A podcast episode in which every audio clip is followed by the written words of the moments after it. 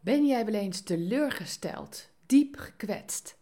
De komende dagen wil ik met je nadenken over hoe ga je daar nou mee om? En ik probeer je daar een aantal stappen in te leren. Hoe je nou over die teleurstelling heen kunt komen. En vandaag is stap 3. Richt je op de eer van God en niet op de eer van mensen. Dit was je 54ste sollicitatie die je mailbox uitschoot. En het schoot maar niet op. Ook nu weer bedankt voor uw sollicitatie hoor. Maar helaas.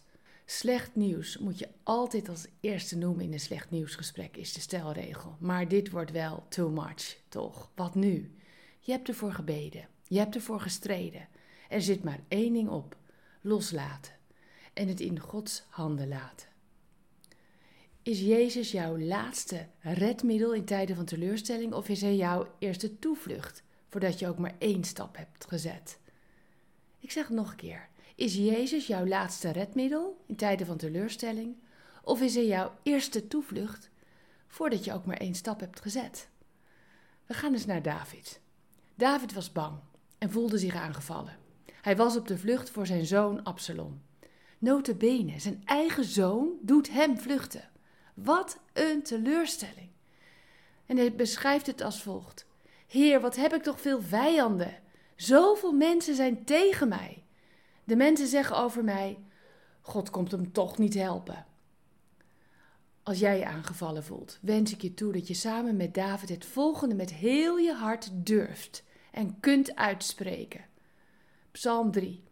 Maar Heer, u beschermt mij als een schild. Mijn eer is in u. Daardoor kan ik met opgeheven hoofd lopen. Spreek het vandaag uit over je eigen leven.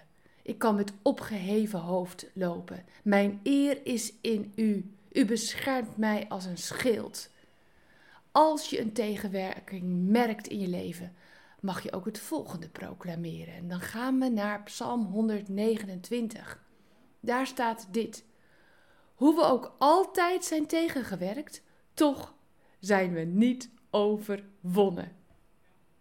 En Psalm 50, ook zo'n prachtige tekst in vers 15.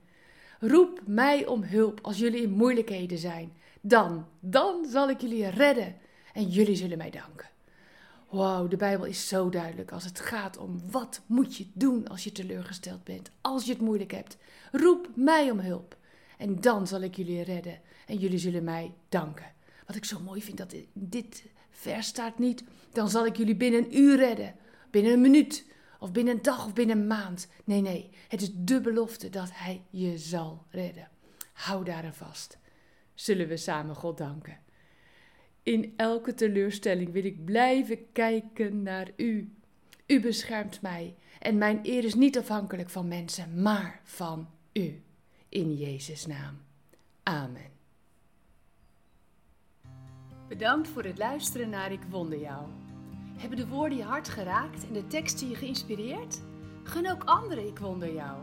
Meld ze aan bij www.ikwonderjou.nl. Ik ben zo blij dat je bestaat.